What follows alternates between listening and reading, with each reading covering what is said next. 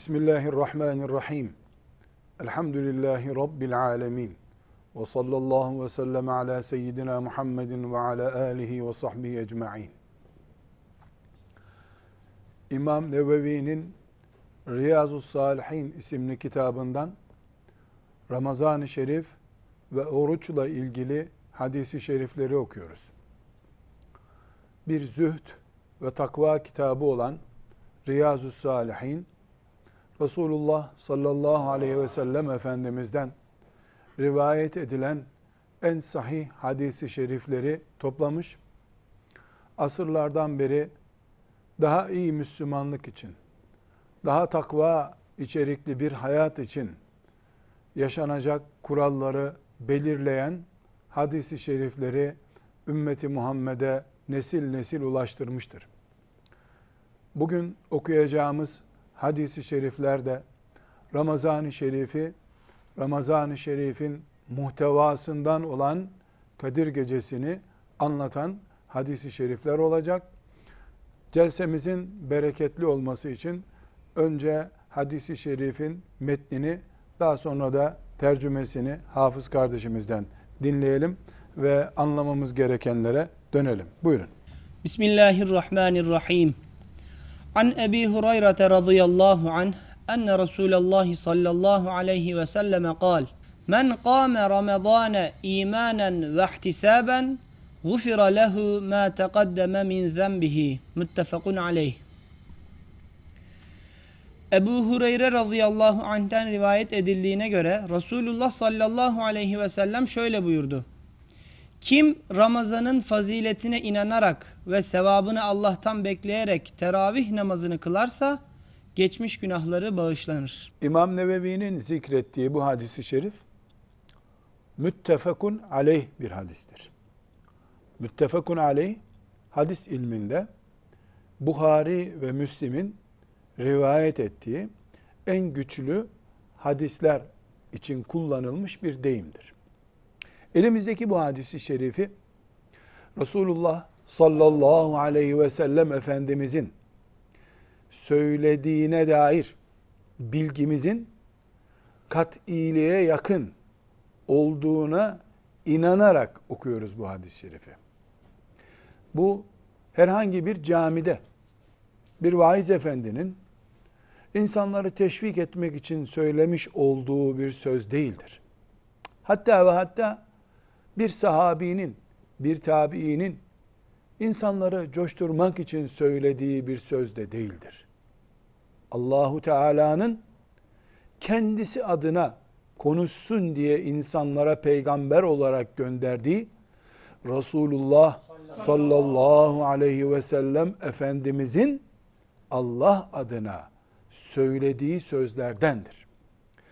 Binaenaleyh bir Müslüman olarak Resulullah sallallahu aleyhi ve sellem Efendimizin bu sözünü dinlerken uçuk bir söz olarak insanları teşvik etmek için insanları daha çok camilere koşturmak için söylenmiş bir söz olarak dinlersek bu hadisi şerifin hakkını vermemiş oluruz. Bize yönelecek yararını da engellemiş oluruz. Bu hadisi şerif yüzde yüz bizim bilgilenmemiz ve istifade etmemiz için söylenmiştir. Hadisi şerif Ramazan'dan söz ediyor ama Müslümanın ahiretini bütünüyle kuşatan bir müjdeyi dile getiriyor. Nedir o müjde? Günahlardan kurtulma müjdesidir. Ramazan bir ay olabilir. Ramazanda teravih geceleri birer saatten 30 saat olabilir. Ama müminin ahirete, Allah'ın huzuruna günahlarıyla veya günahlardan arınmış olarak gitmesi bir aylık, bir ömürlük, bir asırlık, yüz asırlık olay değildir. Günahların hesabının cehennemde görüleceğini, belki küçük kabul ettiğimiz bir günah için, ne kadar olduğunu Allah'tan başkasının bilmediği bir zaman dilimini, cehennemde geçirebileceğimizi hesap ettiğimizde o günahların bütününden kurtulacağımıza dair bize müjde veren herhangi bir hadisi şerif, herhangi bir ayet bizim ahiret hayatımızın tamamını ilgilendirecek düzeydedir.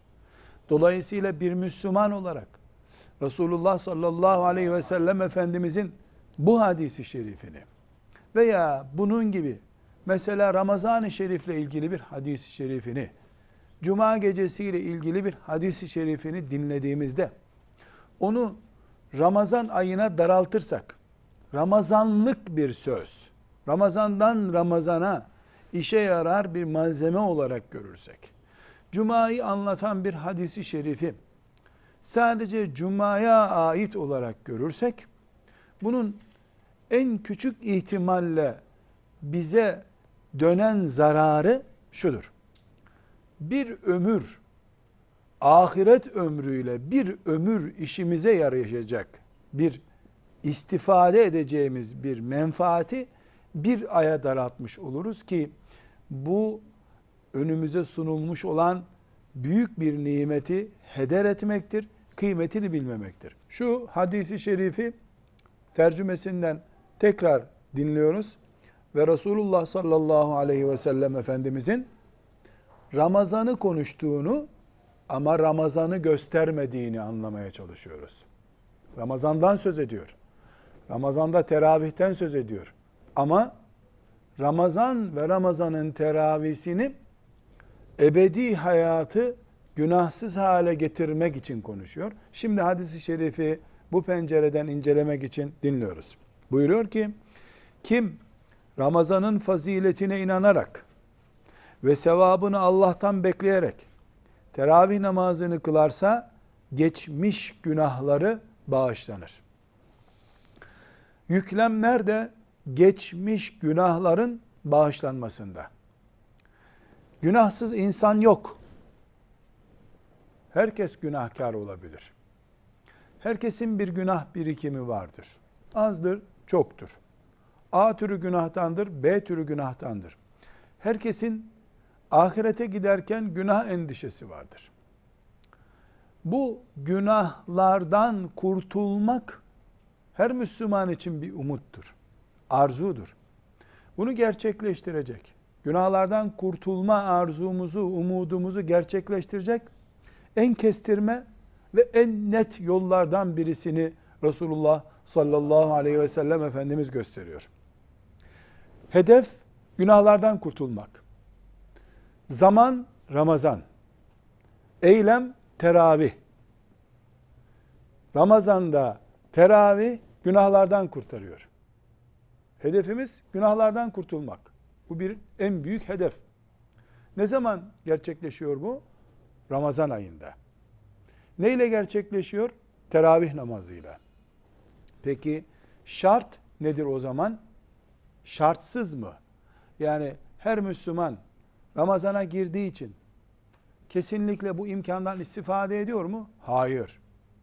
Resulullah sallallahu aleyhi ve sellem Efendimiz Ramazan'ın Ramazan ayının bütünü için geçerli olan iki önemli kural koyuyor. Nedir bu? Birincisi faziletine inanarak Ramazan diye bir farklılığa inanarak ve sevabını Allah'tan bekleyerek. Ramazan-ı Şerif'in Kadir gecesinde de, teravihinde de, gündüz orucunda da, sadakasında da, gece teheccüdünde de, iftarında da, sahurunda da, Ramazana ait ne varsa, tamamını hem bu hadisi şerifte hem diğer hadis-i şeriflerde kuşatan iki şart koşuyor Resulullah sallallahu aleyhi ve sellem Efendimiz. Bunların birincisi inanıyor olacak mümin. Ramazan-ı Şerif'te Allah'ın kuluna farklı muamele ettiğini, Ramazan'da rahmetin daha fazla coştuğunu inanıyor olacak. Kur'an'ın Ramazan'la ilgili verdiği mesajın Resulullah sallallahu aleyhi ve sellem Efendimizin Ramazan'la ilgili verdiği bilgilerin doğruluğuna ve kendisine yarayacağına inanıyor olacak. Bir, güçlü bir iman bir şartımız. İkinci şartımız ecrini Allah'tan bekleyecek. Biz Ramazan-ı Şerif'in ciddi bir şekilde namazdan daha fazla, haçtan daha fazla, zekattan daha fazla kabul gördüğünü görüyoruz. Yani Ramazan'dan baz alınarak bir toplumun ne kadar Müslüman olduğu ölçümlenecek olsa herhalde mevcut İslam dünyası için ashab-ı kiramdan daha iyi bir Müslüman topluluğu denebilirdi. Ashab-ı kiramın Ramazan'ı ortaya çıkarması, Ramazan'a ilgisiyle bu çağdaki İslam toplumlarının Ramazan'a ilgisi ölçümlendiğinde müthiş bir fark var ortada. Yani ashab-ı kiramda camilerde, mescitlerde fark oluyordu ama ticarette fark olmuyordu. Şimdi Ramazan o kadar hızlı bir tempo ile geliyor ki ticarette değerler değişiyor. Piyasalar canlanıyor. Otellerde bile yer bulunmaz oluyor. Ramazan ticaretten seyahate kadar her şeyi etkileyerek geliyor.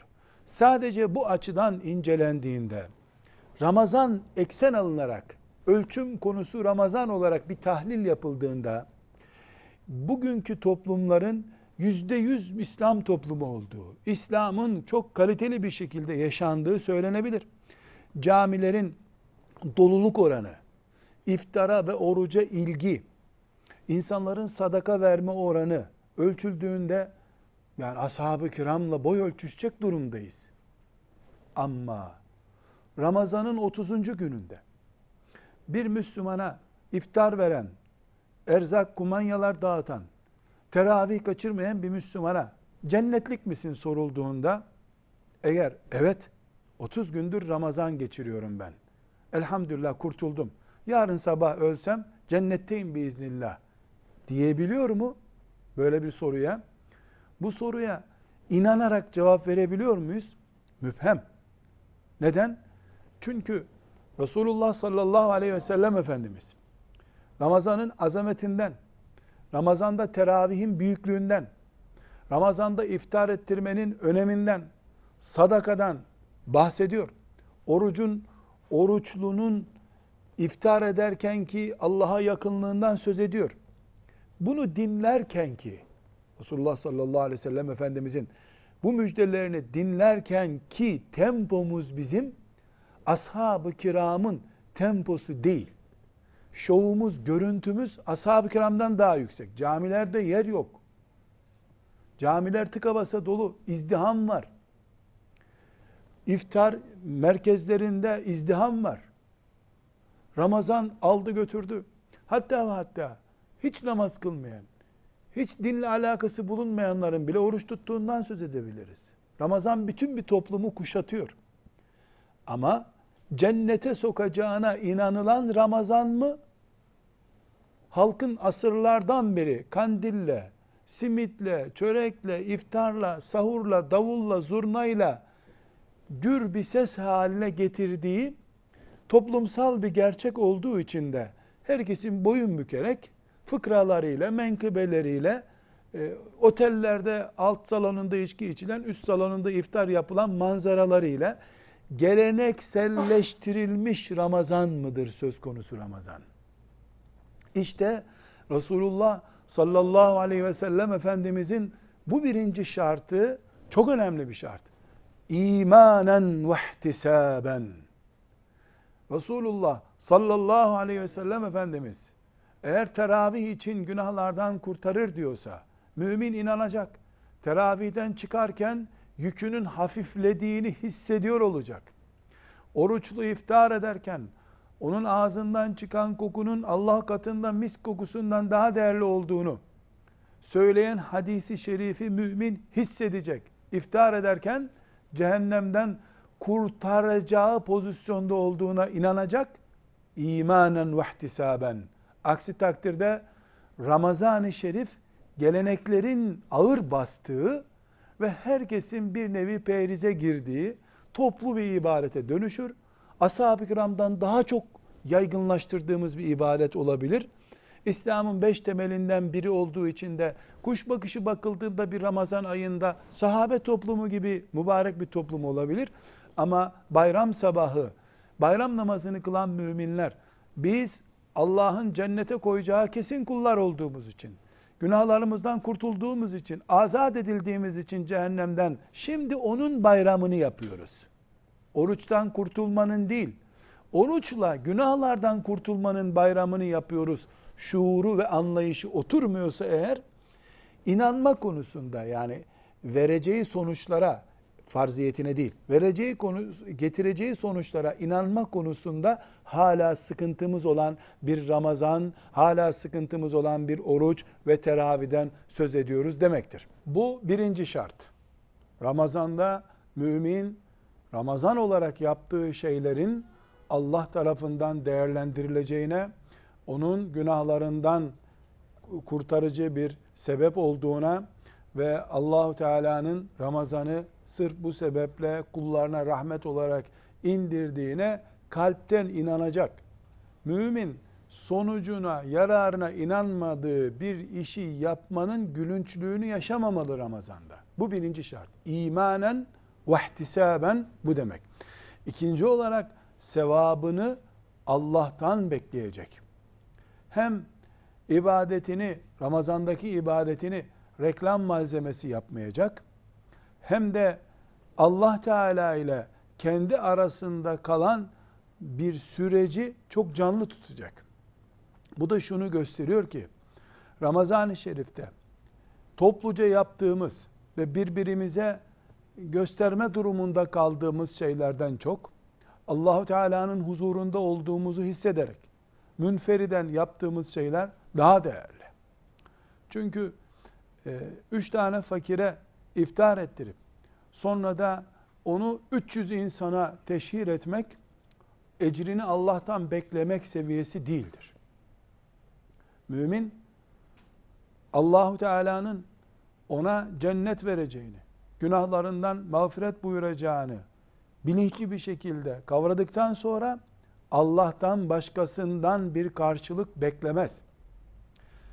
Burada e, küçük bir not olarak şunu da ilave etmemizde yarar var. Yani Allah'tan başkasının bildiği şeyler sıfırlanmıştır. Hiçbir sevap elde edilemez de demiyoruz. Öyle de değil. Yani niyetlerde bir miktar iştirak katılım olabilir. Pratikte daha fazla katılım olabilir. Ama mümini ayağa kaldıran, hareket ettiren şey kesinlikle Allah'ın vereceği sevap olmalıdır. Allah'tan beklemelidir. İnsanlardan da bir nevi iç tatmin veya bir rahatlama gibi sonuçlar beklemeye kalkmamalıdır. Bu iki şartı yani Allah'ın Ramazan'da emretmiş olduğu oruçtan teravihe kadar, sadakadan gece e, sahuruna kadar olan işler bir teşvik veya işte sen hele bir yap bakalım türünden olan şeyler değildir. Karşılığında Allahu Teala'nın çok büyük şeyler vaat ettiği, cennetini vaat ettiği, mağfiretini vaat ettiği şeylerdir. Mümin buna yüzde yüz inanacak. Nasreddin Hoca'nın göle maya atması gibi Ramazan'da oruç tutulmaz. O mantıkla teravih kılınmaz. O mantıkla sahura kalkılmaz. Sahura kalkan bir mümin meleklerin elinde kalemle onun hasenatını yazdıklarını o sessizlikte hissetmelidir. Sahura kalkmak odur. Oruç tutan bir mümin meleklerin yanı başında sürekli onun ecrini yazdığını hissetmelidir. İman budur. Bir şeyi inanarak yapmakla yapmak zorunda olmak arasındaki fark da budur zaten. Bunun için Resulullah sallallahu aleyhi ve sellem Efendimiz.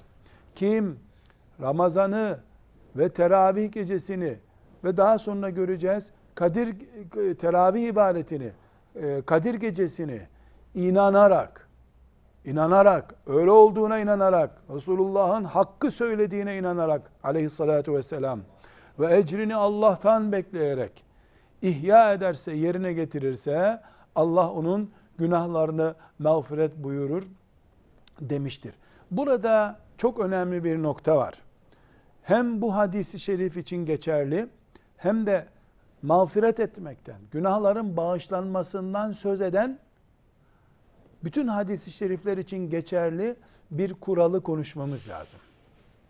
Eğer Resulullah sallallahu aleyhi ve sellem Efendimiz şu işi yapana günahları mağfiret olunur buyuruyorsa, mesela cuma namazına giden bir mümin için bir cumadan öbür cumaya kadar günahları mağfiret olur buyuruyor. Yani geçen hafta cumayı camide cemaatle kılan, bu haftayı da cemaatle camide kıldıktan sonra iki cuma arasındaki günahları mağfiret olur buyuruyor. İşte oruç tutana bunu vaat ediyor. Filan ibadeti yapana vaat ediyor. Hac edene vaat ediyor. Hac için mesela çok daha büyük bu manada e, mükafat ihtiva eden müjdeler var. Bunların hepsi için geçerli çok önemli bir kural var. Bu sözlere Allah günahlarını mağfiret eder sözüne kul hakları dahil değildir. Hiç kimsenin bir toplu iğnesi 50, 100, 200, 300 Ramazan'ı ihya etmekle bağışlanmaz Allah katında. Allah bu tip sevap işleri yapanlara kendi haklarından mağfiret ederek karşılık veriyor. Allah Teala kendisi kendisine karşı işlenmiş suçlardan mağfiret ediyor. Ama adil olduğu için, kullarına zulmedilmesine asla müsamahası olmadığı için, hiçbir şekilde şehadet de dahil kul hakkını Allah mağfiret etmez. Kul hakkından kurtulmanın yolu Ramazan'da oruç tutmak, hac zamanında hac yapmak değil, o hak sahibiyle helalleşmektir. Bir toplu iğnede dağ dolusu altın da aynı Allah katında. Bir söz hakaretiyle bir yumruk izi de aynı Allah katında.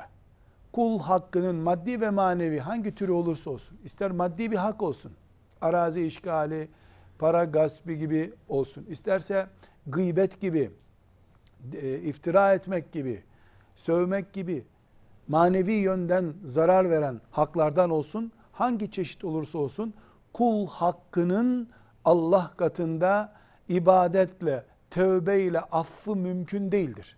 Hak sahibiyle helalleşmek şarttır. Onun helalliği de işlenen suçun cinsiyle ilgilidir. Arazisi gasp edilmiş birisine arazisi iade edilir. Verilen zarar tazmin edilir. Gönlü kırdırılmış, e, iftira edilmiş, gıybeti yapılmış bir Müslümana da gönlü alınarak hangi yolla alınacaksa e, helallığı talep edilir. Bu tür hadisi şeriflerde vaat edilen günahlardan kurtulma müjdesi kesinlikle kul haklarını ihtiva etmez.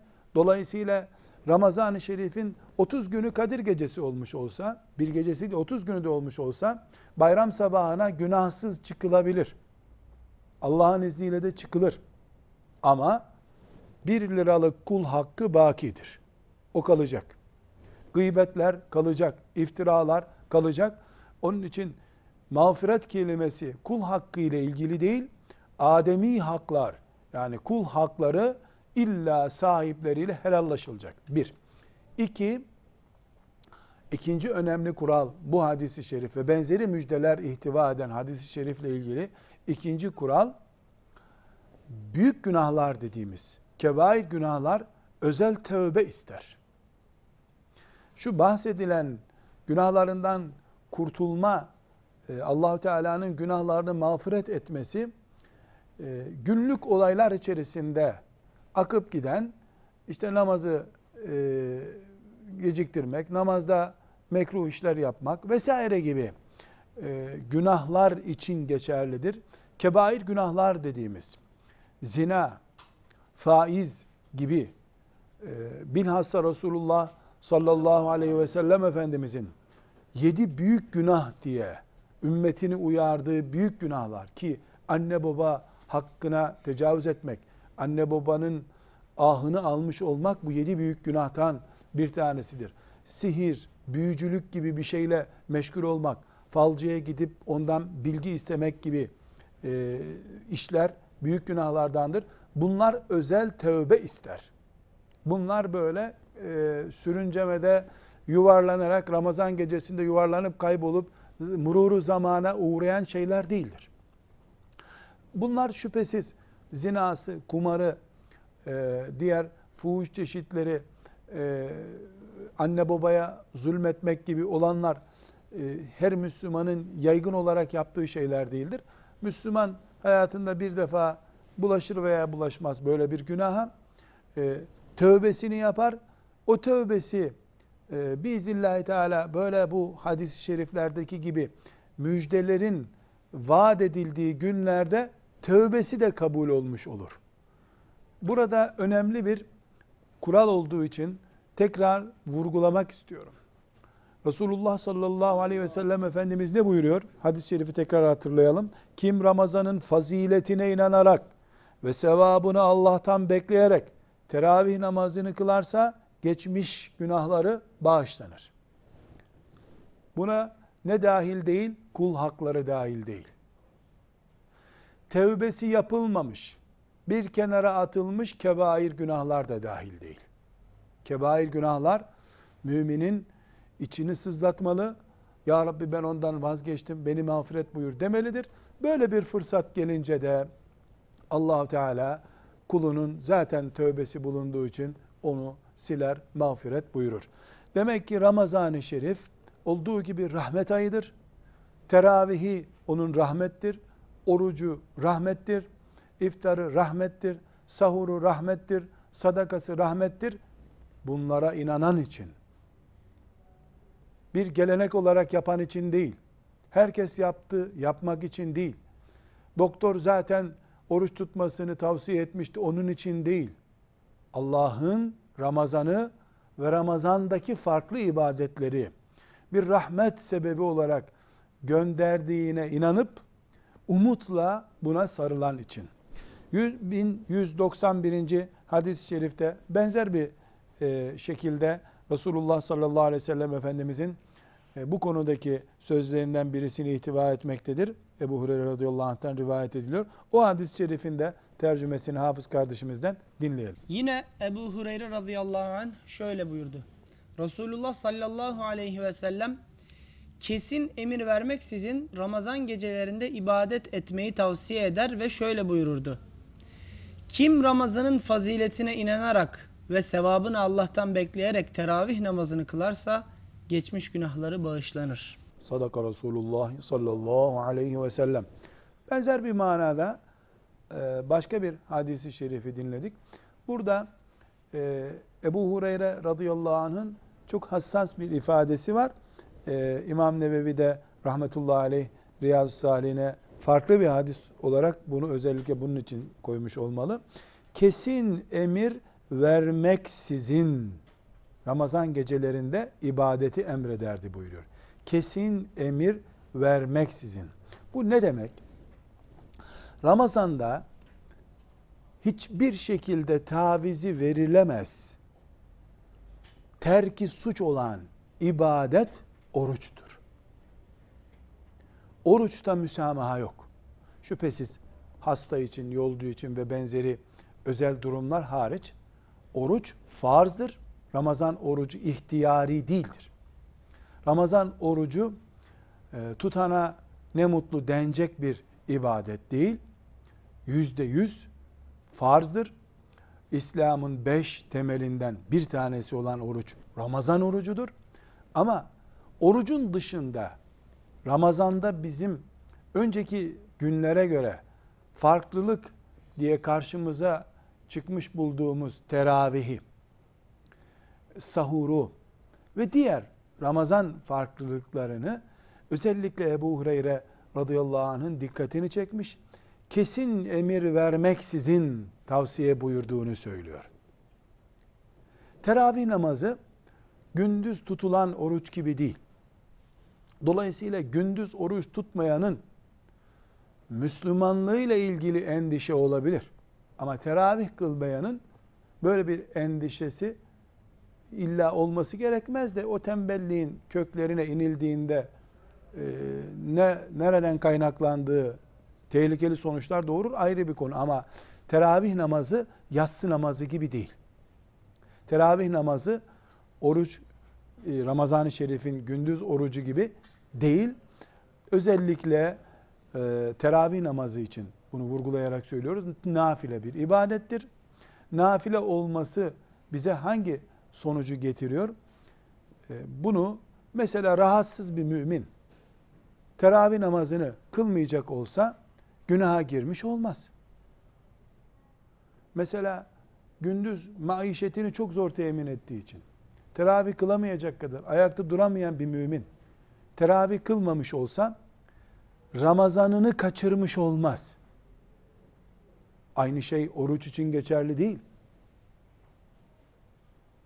Bir ibadetin farz olmasıyla nafile olması arasındaki fark budur zaten.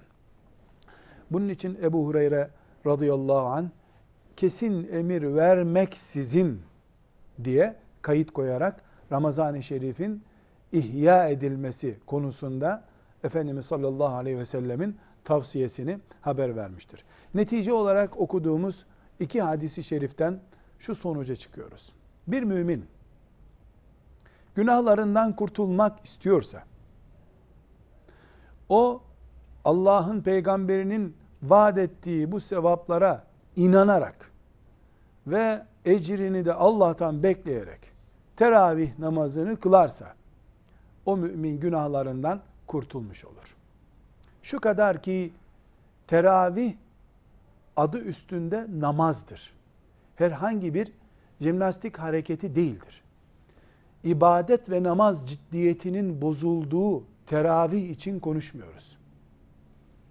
Yatsı namazına göre esnek bölümü olabilir. Ama namaza benzemeyen ve insanların bir nevi İslami spor gibi görmeye çalıştıkları teravih bu teravih değildir. allah Teala'nın huzurunda yapılan namaz ciddiyeti taşıyan ibadetten söz ediyoruz. Bir aradan sonra Kadir Gecesi ile ilgili hadisi şerifi dinleyeceğiz inşallah. Velhamdülillahi Rabbil Alemin.